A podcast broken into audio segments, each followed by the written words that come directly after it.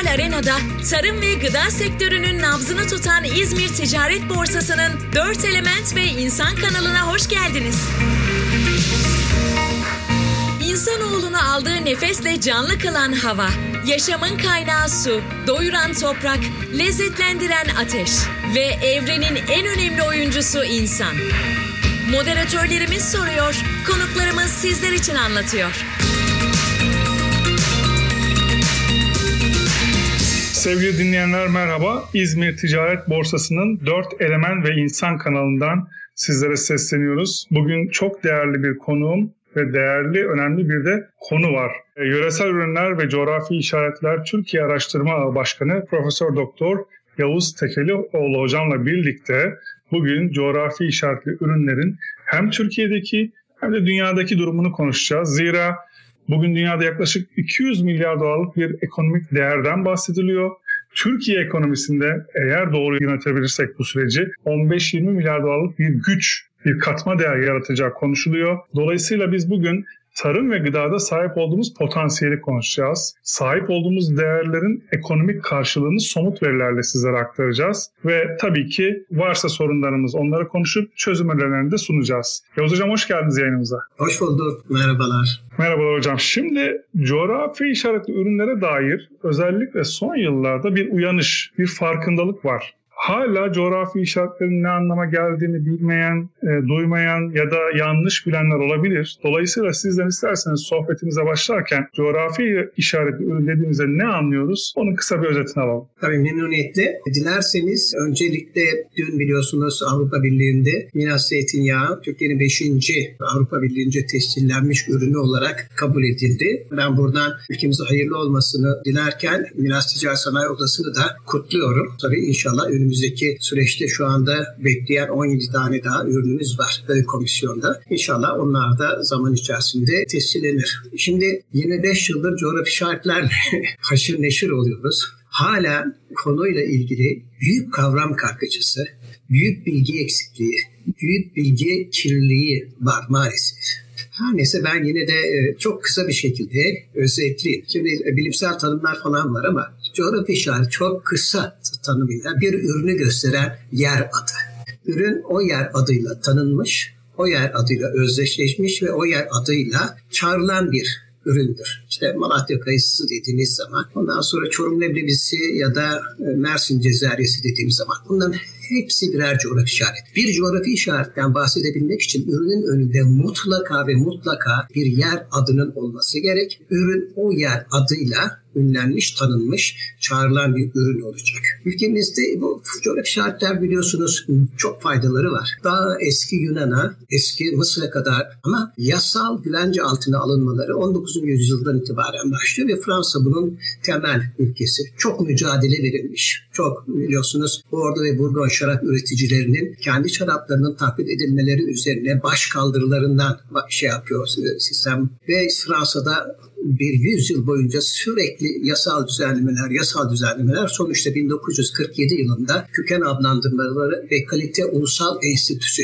bugünkü adıyla INAO kuruluyor ki INAO Fransız mucizesinin gerçekten yaratıcısıdır. İnşallah bir gün ülkemizde de ki coğrafi şart potansiyelimiz olağanüstü yüksek böyle bir enstitü mutlaka kurulması gerekiyor. Avrupa Birliği süreci başlıyor. Avrupa Birliği bütün ülkelerde biliyorsunuz kendi yasal düzenlemeleri var coğrafi şartları korumalı konusunda. Avrupa Birliği bunu bunlar bir şemsiye altında toplanıyor. 1992'de iki tüzük çıkartıyor. 2081 ve 2082 sayılı tüzükler. Bir tanesi coğrafi şartların korunması hakkında, ikincisi de geleneksel ürün adı koruması konusunda. 2006 yılında bunlar yenileniyor. Neden? Çünkü Dünya Ticaret Örgütü Avrupa Birliği'ni çok eleştiriyor. Avrupa Birliği. Çünkü diğer e, üçüncü ülkelerin coğrafi işaret tescillerine kapalı falan. Neticede 2006'da 510 ve 509 sayılı e, tüzükler çıkartılıyor. Bunların bir öncekilerinden farkı ikisi aynı yine aynı isimleri taşıyor. Geleneksel adı korunması ve coğrafi şartlar korunması. Getirdiği yenilik üçüncü ülkelere de Avrupa Birliği'nden tescil alma hakkı tanıması. Ayrıca ilanlara itiraz etme hakkını tanıması.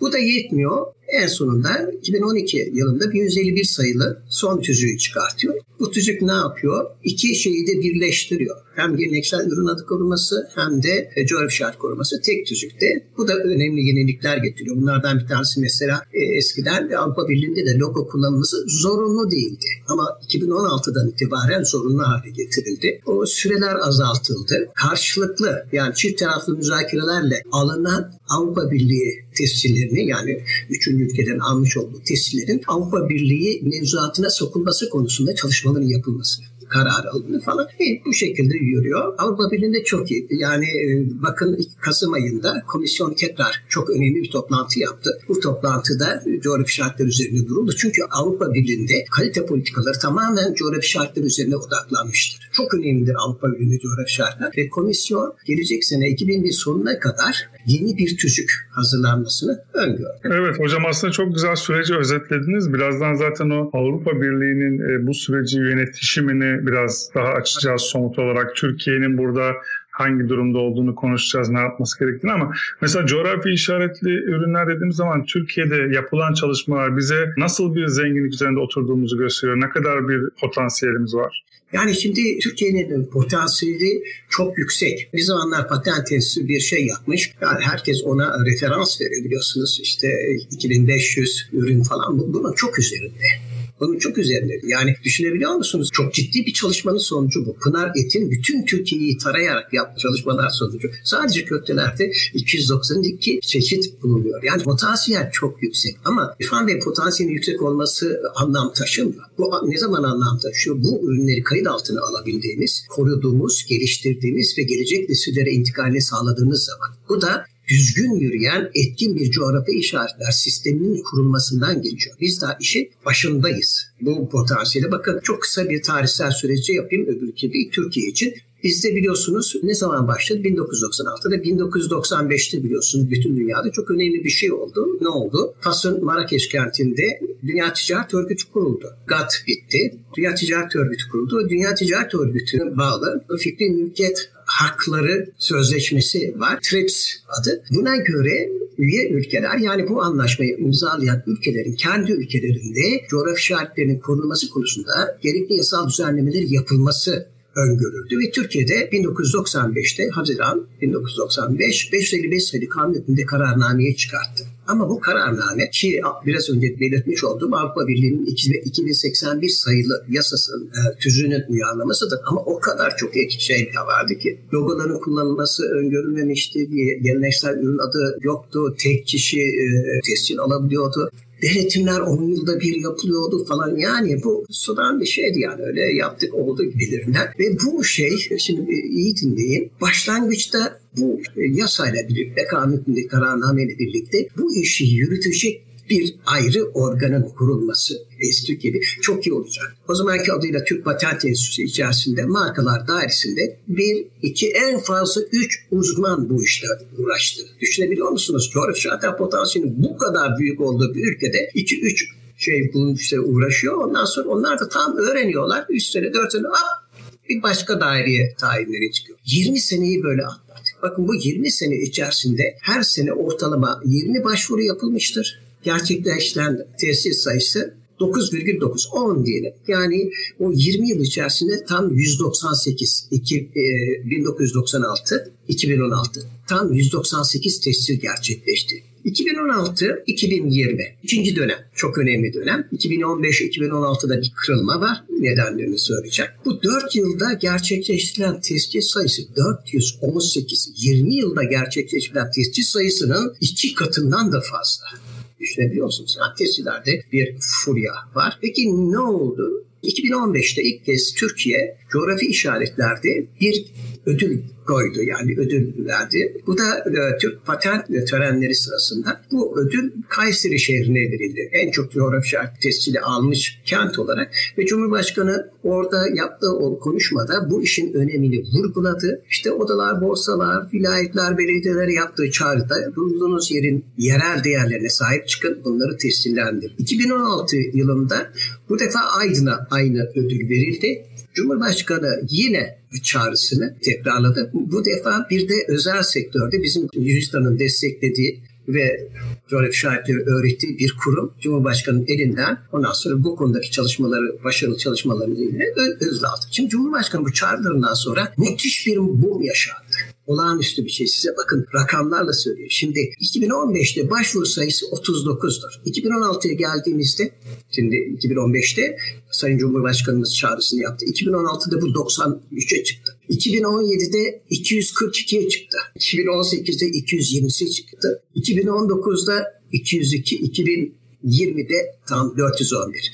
Aslında bu sene de başvurularda 674 ürün var ama o 674'ün bir kısmı 2020 senesinden önceki başvurular. 2020'de hmm. yapılan başvurular 411. Hocam o zaman bir şey söyleyebilir miyim? Yani sizin e, ilk girişteki söylediklerinizden yola çıkarak ve bu süreçte özetlediğiniz yol haritasından yine e, sonuç olarak şu şeyi çıkartıyorum ben biz işin nicelik tarafına yoğunlaşmışız. Rakamlar göze hoş geliyor ama sanki nitelik tarafını biraz gözden mi kaçırmışız? Çünkü 400'ler, 500'ler, 600'ler son yıllardaki trendle beraber başvurular, onaylar, tesciller yurt içinde tamam. Ama yurt dışında bakıyoruz. Avrupa Birliği'nden teşkil almış ürünümüze dün itibariyle sizin de söylediğiniz gibi 5'e yükseldi. Aydın inciri, Aydın kestanesi, Antep baklavası Malatya kayısı ve biraz zeytinyağı. İşte 17 tane de bekleyen var dediniz. Yani demek ki burada önemli olan bir nicelikten ziyade nitelik. İkincisi de tescil almak tamam ama asıl hikaye galiba asıl süreç ondan sonra geliyor. Çok güzel bir tespit. Esas sorun bu işte. Türkiye'nin sorunu bu. Maalesef. Yani ben e, sorunuzu yanıtı vermeden evvel somut bir şekilde söyleyeyim. 27 ülkenin yani şu ana kadar bugün itibariyle çünkü bakın dün yapabildiğinin sayısı 39'du. Bizimkisiyle birlikte 40 oldu. Milas yani. 27 ülkenin 2020 yılında almış olduğu tescil sayısı toplamı 40. Bizim 150. Bir ülke 150. Bakın ben geçen yıl Kasım ayında Fransa'da Montpellier'de coğrafi şartlarla ilgili çok üst düzey bir şey vardı. Bir hafta sürdü. Üç gün salondu. Dört günde alan çalışmasıydı. Çıkan sonuçlardan bir tanesi çok tescil coğrafi işaretleri öldürür. Bakın bunu, bunu Batılılar söylüyorlar ki bunun içinde de çok da tescil vermiyorlar yani çok yani inada 10 yıl bekleyen ürünler vardır. Dolayısıyla bu bizim temel sorunumuz. Şimdi bizde kurumlar ilgileniyor. Ben ilgilenen kurumları saygıyla karşılıyorum. Özellikle TOP. TOP şu anda alınmış tescillerin %43, %44'üne sahip. Yani ondan sonra belediyeler var yüzde 26 falan. Belediyeler, vilayetler il özel idareleri alınmış tescillerin %82'sine sahip. Takdir edersiniz ki bunlar üretici değil. Yani tamamen üreticiler için geliştirilmiş bir sistemde bizim üreticilerimiz yok.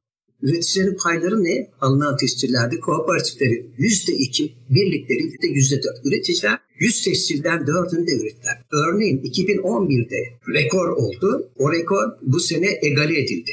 Kez Türkiye 111 tescil 2011'de. O 111 tescilin içinde İrfan Bey sadece bir tescil üreticilere aittir. O da artan çiçek balıdır. Şimdi tabii bunların giderilmesi lazım. Üreticilerin, üreticiler kayyede şart ya da specification dediğimiz tescil belgesindeki üretim şartnamesini hazırlayacaklar. Bütün süreç boyunca üreticiler işin merkezinde olacaklar ve sonunda yaratılan fiyat haklarından kaynaklanan katma değerden de üreticilerin yararlanması lazım. Bizde tesciller katma değer yaratmıyor ki. Kurumların coğrafi işaretlerle ilgisi nereye kadar gidiyor? Tescil alana kadar gidiyor. Ben bunu saygıyla karşılıyorum. Topu falan ama şunu söylüyorum. Şimdi tescil iyi.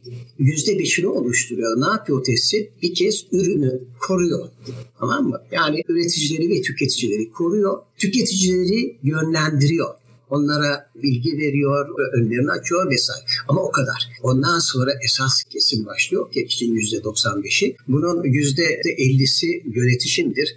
Geri kalan %45'i de denetim. Biz ikisinden de sınıfta kaldık. Coğrafi işaret yönetimini Türkiye'de hiç kimse anlatamaz. Yıllardır bunun mücadelesini veriyor Yücita. Her yaptığımız inanın seminer, sempozyum nedir? Mutlaka Avrupa Birliği'nden bu konuda insanlar getirtiyoruz. Mesela Conte geldi yönetişimi nasıl yaptıklarını anlattı. Roquefort'u çağırdık. Roquefort yönetişimi nasıl ama bizimkiler geliyorlar bilmiyorlar. Hiçbir şey yok. En sonunda burada şuraya bağlayıp biliyorsunuz zannediyorum 21 Kasım'da e, 2019'da bu Tarım Orman Şurası açıklandı. Cumhurbaşkanı bizzat kendisi açıkladı. 38. madde çok açık ne diyor? Coğrafi işaretlerde yönetişim ve denetim konusunda gerekli mevzuat düzenlemesi yapılacaktır diyor. Kelimesi kelimesine aynı şey. Bunu Cumhurbaşkanı bizzat kendisi söyledi. E şimdi bir yıl geçti henüz hiçbir şey yok hala tescil arttırmanın şey olduğunu zannediyorlar. Yani o kadar büyük kötülük yapıyorlar ki bilmeden o üreticilerimize falan. Ya ben Malatya'ya gittim. Evvel sene bir araştırma için bir hafta Vali Bey de bana çok yardımcı oldu. Eksik olmasın. Çok güzel bir yürekler acısı. Olağanüstü bir ürün var. Dünyada böyle bir ürün yok. İnanın. Ben Malatya'ya gitmeden evvel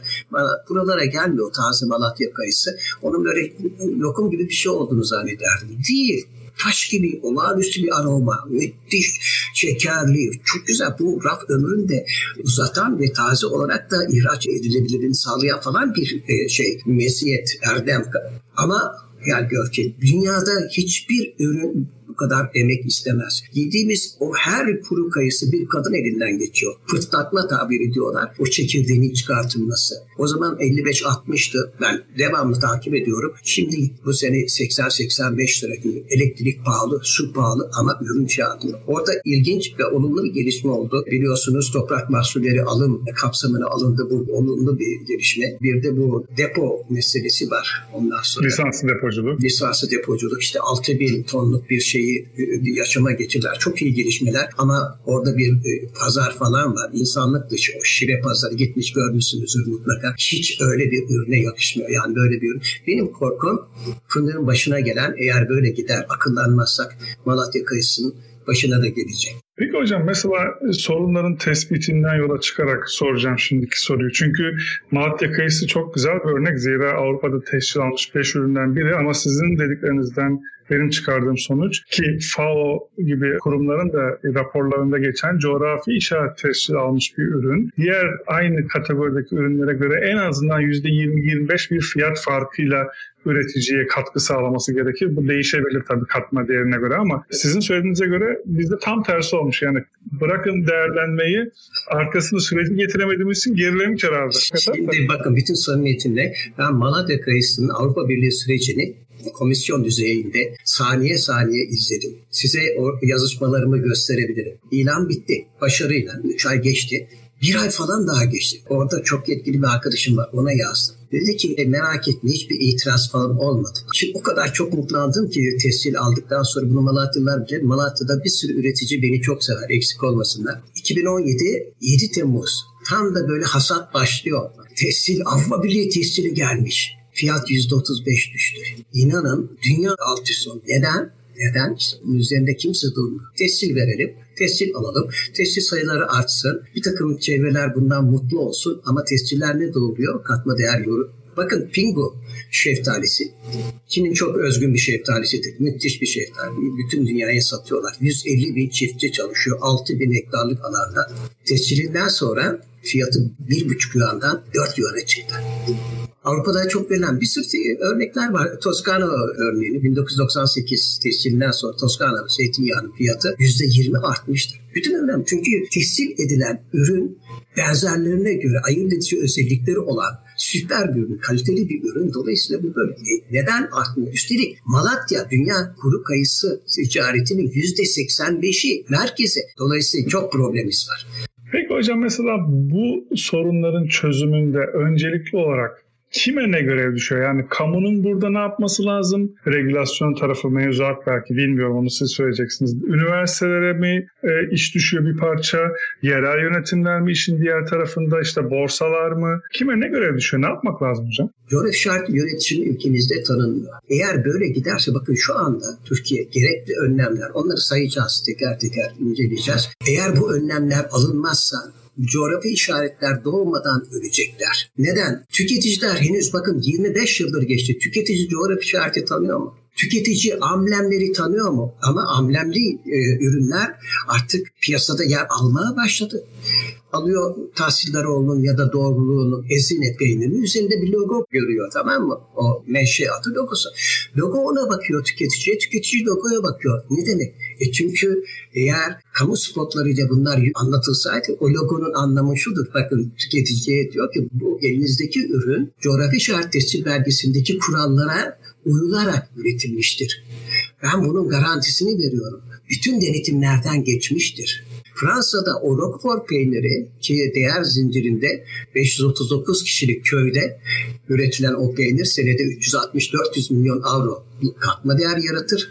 Değer zincirinde 10 bin gece çalışır ve değer zinciri yılda 200 ile 400 arasında denetimden geçer. Fransız tüketicisi Roquefort'u raftan aldığı zaman gözleri kapalı tüketir.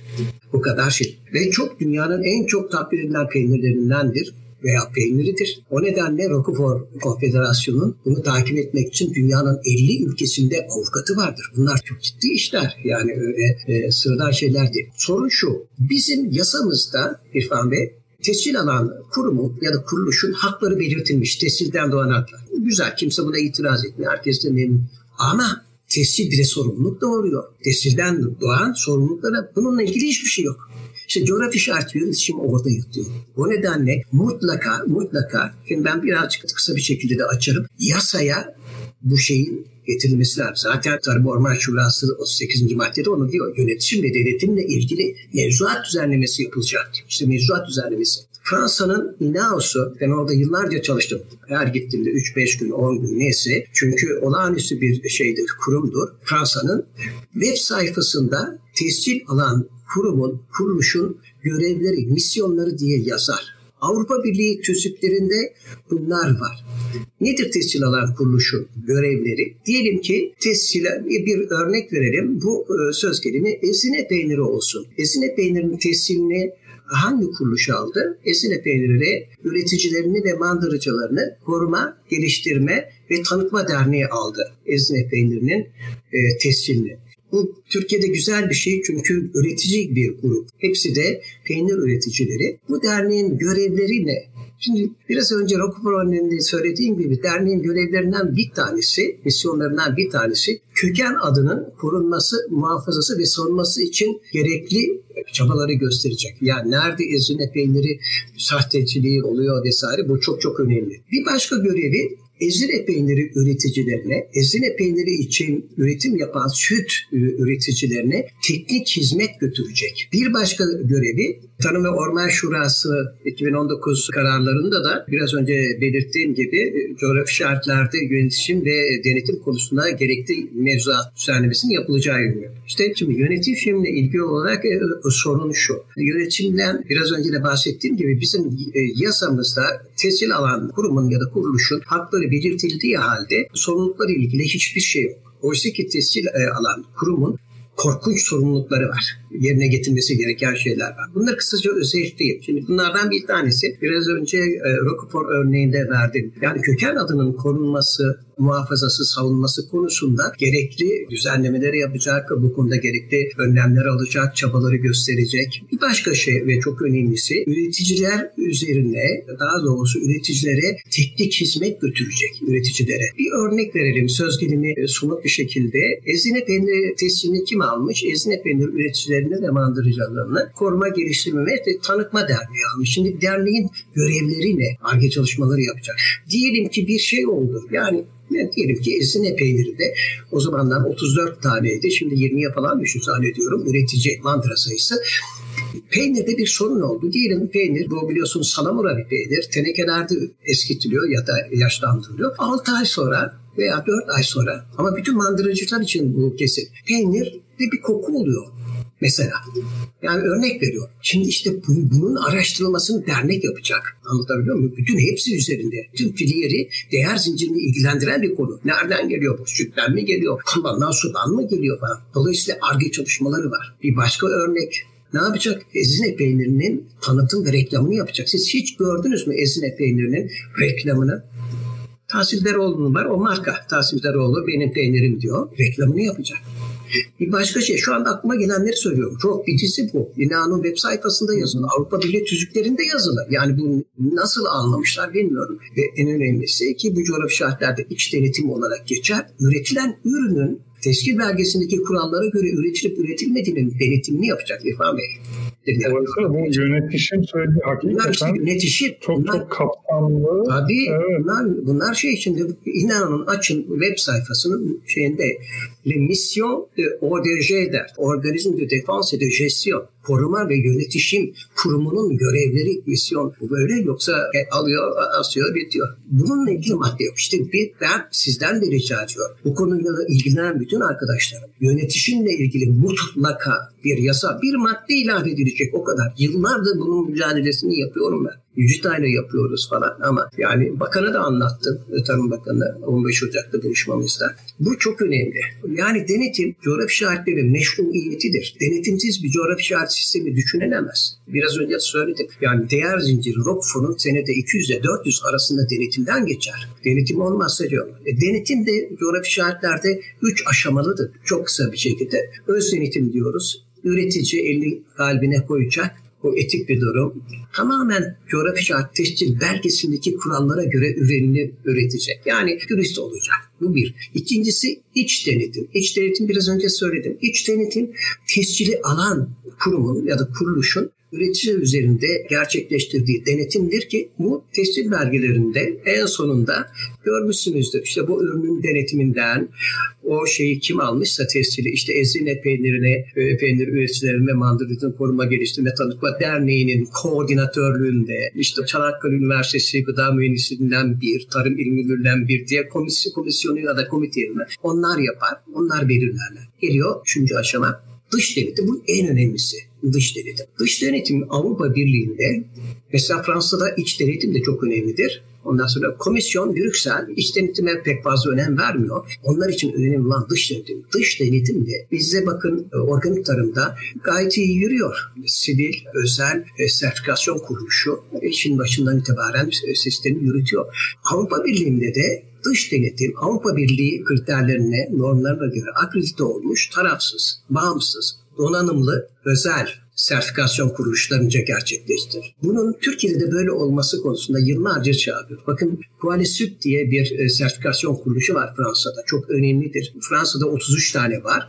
33'ü de e, İNANO web sayfasında vardır birisi tescil aldığı zaman hangi konuda aldı, o şeylerden sertifikasyon kuruluşlarından hangisi bununla uğraşıyor, onunla haberleşir. İnanın aracılığıyla bir denetim planı yapılır. O denetim planında her şey saptanır. Hangi aralıklarla yapılacak, üreticilerin yüzde kaç üzerinde yapılacak, habersiz denetimler yapılacak mı, yapılmayacak mı? Sistem böyle dört dörtlük yürür. Biz de işte Tarım Bakanlığı atıyor, biz yapacağız diyor. Yani bizim şöyle bir şey var. Şimdi denetim çok önemli ama coğrafi şart denetimi farklı bir denetimdir. Şimdi e, yani Tarım Bakanlığı ürün sağlıklı mı? İşte biyoloji, fiziksel, kimyasal bilmem ne bozuk mu? Ama coğrafi şart tescili diyelim ki Burdur ezmesi diyelim Burdur ceviz ezmesi o kadar e, specification'da o kadar şeyler yazıyor ki diyor ki kullanılan irmik şu irmik olacak diyor. Burdur irmiği olmayacak. Bundan sonra kullanılan ceviz diyor Burdur ceviz olacak diyor. O senenin cevizi olacak diyor ölçüleri veriyor. 600 gram. 300 gramı dişe gelecek şekilde şey yapılacak. Diğer 300 gramı ezilecek diyor. Tamam mı? Yani anlatabiliyor muyum? Bu oranları, burdur cevizi mi değil mi falan. Yani diğer ürünlerde öyle. Yani ürün specification'da belirtilen şeylere uyuyor mu? Bir de üretim metodu ona göre yapılmış mı? Coğrafyal e, şeyinde denetim budur. Ve bunun da mutlaka ve mutlaka özel bir sertifikasyon kuruluşunca yapılması lazım. Şimdi son haberlere göre Tarım Bakanlığı denetim konusunda bir yönetmelik hazırlıyor. Ama ben onlara yakınlarıma da söylüyorum. Bu işle hiç şey yapmayın. Siz o kuruluşu denetleyin sertifikasyon kuruluşu denetleyin. Ondan sonra bu netameli bir işti. Onun e, şey yapmasını ya çünkü bakanlığı o kadar çok işi var ya bu kadar kadroları falan da genişti. Denetim. Şimdi gelelim yönetimle. Yönetimde e, söyledim ne olduğunu. Coğrafi şartlarda yönetişimi ikiye ayırıyoruz. Bir ulusal düzeyde de yönetişim. Ulusal düzeyde yönetişim dünyanın her bir ülkesinde çünkü bu su generis bir konu. Otonom kamu kuruluşları tarafından gerçekleştiriliyor. E, bunlar Tarım Bakanlıklarına bazen Fransa'da mesela hem tarımdır hem ekonomi bakanlığına bağlıdır. İşte finanse ederler ama bağımsız özgür ve sadece bu işlerle uğraşan bir kurumun olması lazım. Şimdi bizde biraz önce bahsettim 20 yıl boyunca 2-3 kişi uğraştı.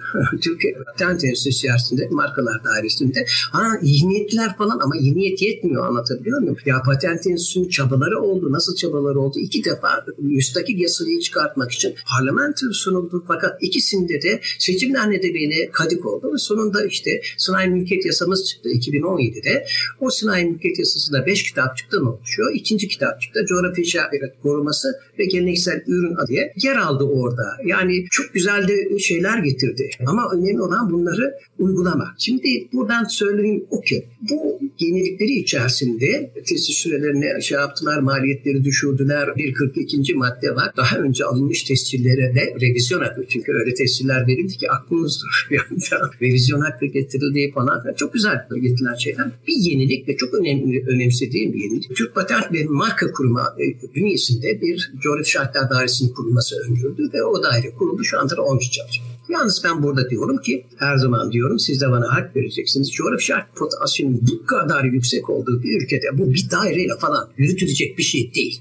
Nitekim yürümüyor. Yani biz inanın şeydeyiz, su dövüyoruz, havanda su dövüyoruz. Herkes birbirini korkunç bir popülizm var. Kimse gerçeklere falan şey yapmadan ha, ne kadar çok teslim aldık, hayırlı uğurlu olsun tescil törenleri, belgelerin şey yapılması. E ne oluyor sonra? %35 fiyatı düşüyor. Dünya coğrafi şartlar tarihinde olmayan bir şeyi yaşıyoruz. Bakıyorsunuz ilgili kurumun, şimdi bunda, bunda temel şey, beni en çok üzen şey bir şeyi sorumluluğunu aldığınız zaman ilgili kurumlar bunu öğrenecekler. Bilmemek ayıp değil. Bilmemek ayıp değil. Bakın ben bu işi, bu işi Fransa'da doktora da öğrendim ama üzerinde etüt yapmadım. Yalnız bunun ne kadar mükemmel bir sistem olduğunu ve ülkemde uygulanabilirse Türkiye'ye getireceği yani sağlayacağı sosyal ekonomik açılımların ne kadar büyük olacağını gördüm. Doktoram nedeniyle uğraşmadım ama çok şey öğrendim. Bu, Türkiye'de dönünce kolları sıvadım. Yani ülkenin gerçekten büyük açılımlar sağlayacak bir şey. Anlatabiliyor muyum? Dolayısıyla Doğru. buradan giderek mutlaka ve mutlaka bir Türkiye coğrafi işaret İşaretler Enstitüsü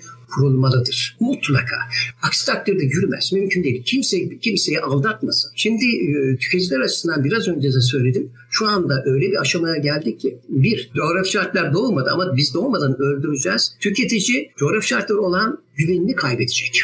Bir başka şey, bu da tabii yöresel ürünlerimiz için son derece önemli. Çok önemli. Yani bu ürünleri üreten milyonlarca üreticimiz var. Yazık onlara. Bir başka şey, Bakın Avrupa Birliği'nden şimdi tescil alıyoruz ama bir süre sonra Avrupa Birliği kendi verdiği tescillerin itibarsızlaştığını görürse inanın çok zor tescil verir yapılacak şey bir ülke düzeyinde bir kurumsal yapılanma, Türkiye Coğrafi Şartlar Enstitüsü'nün kurulması, ikincisi de yasal boşluğun giderilmesi. Bu kadar basit. Niye yapılmaz? Yıllardır bunu ben ilk kez size söylemiyorum. Yazıyorum, çiziyorum falan bilmiyorum. Hala hep böyle sayının arttırılmasını şey yapıyorlar. Sayı arttıkça seviniyorlar. Yani konu bu. Demek ki daha çok e, farkındalık yaratmak gerekecek. Dediğiniz gibi çok ciddi bir potansiyel var. Müthiş bir hazinenin üzerindeyiz bu anlamda. Ama maalesef geldiğimiz noktada bunun kıymetini ekonomik anlamda çok gösterememişiz. Hem e, yurt içi hem yurt dışı için söylüyorum. Dolayısıyla yapacak çok şey var. Kat edecek çok mesafe var. Bir soru daha bununla alakalı sizden bir yorum isteyeceğim kısa. Çünkü bunu da çok önemsiyorum. Birbirini tamamladığını, bütünleştiğini düşünüyorum ben. Coğrafi işaret ürünler, e, ürünler ürünün kendisine katılan değerin yanı sıra ürünün üretildiği bölgenin işte konaklama, yeme içme, perakende gibi sektörlerini de destekleyen bir itici güç niteliğinde. Sizin biraz önce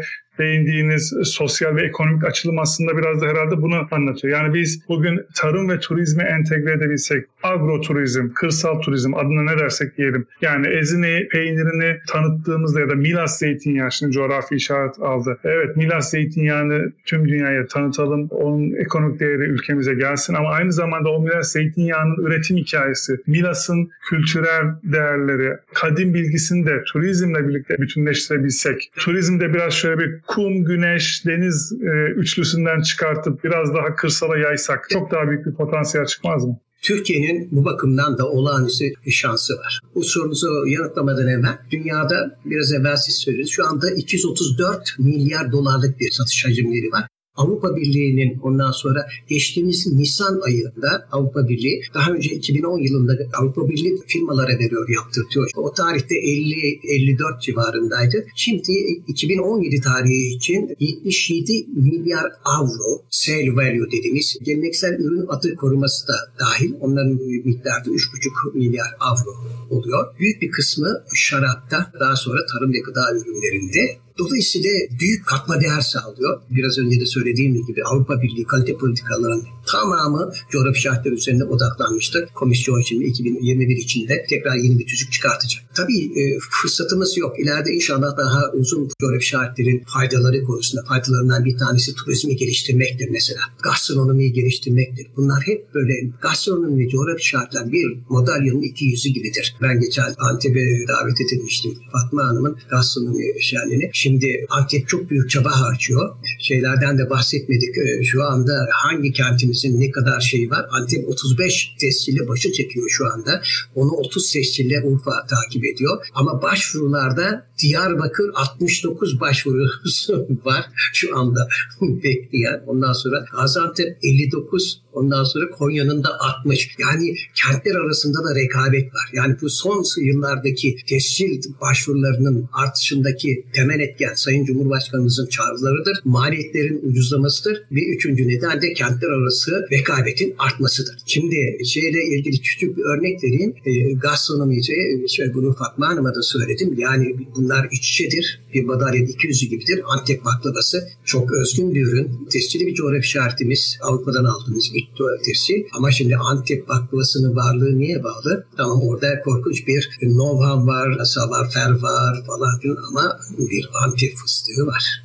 O Antep fıstığı da bir coğrafi işaret. Ve Antep baklavasında kullanılan Antep fıstığı ürün mahsul vermeye başladıktan sonraki ilk 15 gün içinde toplanan fıstıktır. Adına boziç denir. O yeşildir, Tamam mı? Onlar toplanır baklavada o kullanılır. E şimdi sizin fıstık üretiminiz olmazsa coğrafi işaret tamam mı? Yani coğrafi işaretle sürdürülebilirlik, kalite bunlar sağlanmazsa Antep baklavası riske girer. Bunlar iç içe olan şeylerdir ve yemeklerin bütün kullandığı maddeler zaten tarım biliyorsunuz coğrafi işarettir. Pandemiyle bunun önemi daha da şeye gelmiştir biliyorsunuz. Burada bir göndermede Allah rahmet eylesin bu önder Mustafa Kemal Atatürk'e yapalım değil mi? Daha 100 yıl önce ne diyor? Fütuhatın fethi Fethi'nin iki kılıncı, iki şey vardı vasıtası, aracı. Birisi kılıç, diğeri saban diyor. Yani bir ülkeyi ya silahla zapt edersiniz ya da gıdayla. Tamam. O tarihlerde görmüş Atatürk bunu ve pandemi bunu onayladı. Saban hep üstün gelmiş değil mi hocam kılıçtan? Var tabii ya gayet tabii ya müthiş bir ve arkasından ne demiş? Milletin efendisi köylüdür demiş. Ben bütün çalışmalarımı hep Türk köylüsüne adamışımdır. Ya da tarımsal üretim için çalışanlara. Yani bunu çok özgün. Yani bizim köylü toprağını sever. Bakın köylünün benim e, Fransız hocam her köylü çiftçidir ama her çiftçi köylü değildir derdi. Tamam mı? Fransız hocam köylü farklı. Köylüyü toprağından koparmayacaksın. Köylü kendi toprağında harikalar yaratır. Köylü anlatabiliyor musun? Bir de çevresiyle uğraşır. O çevre çevre ona aittir. Ağaç diker, ağaçları korur falan anlatabiliyor muyum? Köylüye kıymayacaksın. Yazık köyler boşalıyor falan. Ya köy kırsal kesim yaşlanıyor falan. Yani Türkiye'yi çok iyi şeyler beklemiyor. Bunlar, bunları bunların önüne geçilmesi lazım. Coğrafi şartlara iyi bir coğrafi şartlar sistemi kurursa bunların inanın hepsinin önü açılacaktır. Tamam mı? Turizm, gastronomi, e, yapılacak çok şey var bu ülkede. Tamam mı? Peru bununla fakirliğini yendi. Gastronomisiyle yendi. Peru'da hiçbir genç futbolcu olmak istemiyor İrfan Bey. Hepsi şef olmak istiyor. Ve bizim şeflerimize çok önemli roller düşüyor. Kendi ayaklarımızı yere basarak, kendi yerel değerlerimizi birazcık böyle stilize ederek falan filan anlatabiliyor muyum? Doğru. Herkese çok görev düşüyor hocam. Aslında taş çok ağır bir taş değil. Eğer herkes elini taşın altına koyarsa ne kadar ağır olsa olsun o taş bir şekilde kalkar ama dediğimiz gibi herkesin bir sorumluluğu var. Sorumluluğunu yerine getirmesi lazım. O yönetişimi iyi sağlamamız, kurguyu iyi yapıp sistemi doğru şekilde uygulamamız lazım. İşte o zaman herkes bu işten ekmek yer. Konu çok uzun hocam. Çok da aslında başlık var ama biz bugün şöyle bir özetini geçtik. Belki ilerleyen yayınlarda konuya daha farklı açılardan da İnşallah. bakarız. Çok teşekkür ediyorum yayına verdiğiniz katkılardan dolayı. Bugün Yöresel Ürünler ve Coğrafi İşaretler Türkiye Araştırma Başkanı Profesör Doktor Yavuz Tekelioğlu hocamla birlikte coğrafi işaretlerin Türkiye'deki ve dünyadaki konumunu anlamaya, anlatmaya çalıştık somut örnekler üzerinden. Bir başka yayında tekrar görüşmek üzere. Hoşçakalın.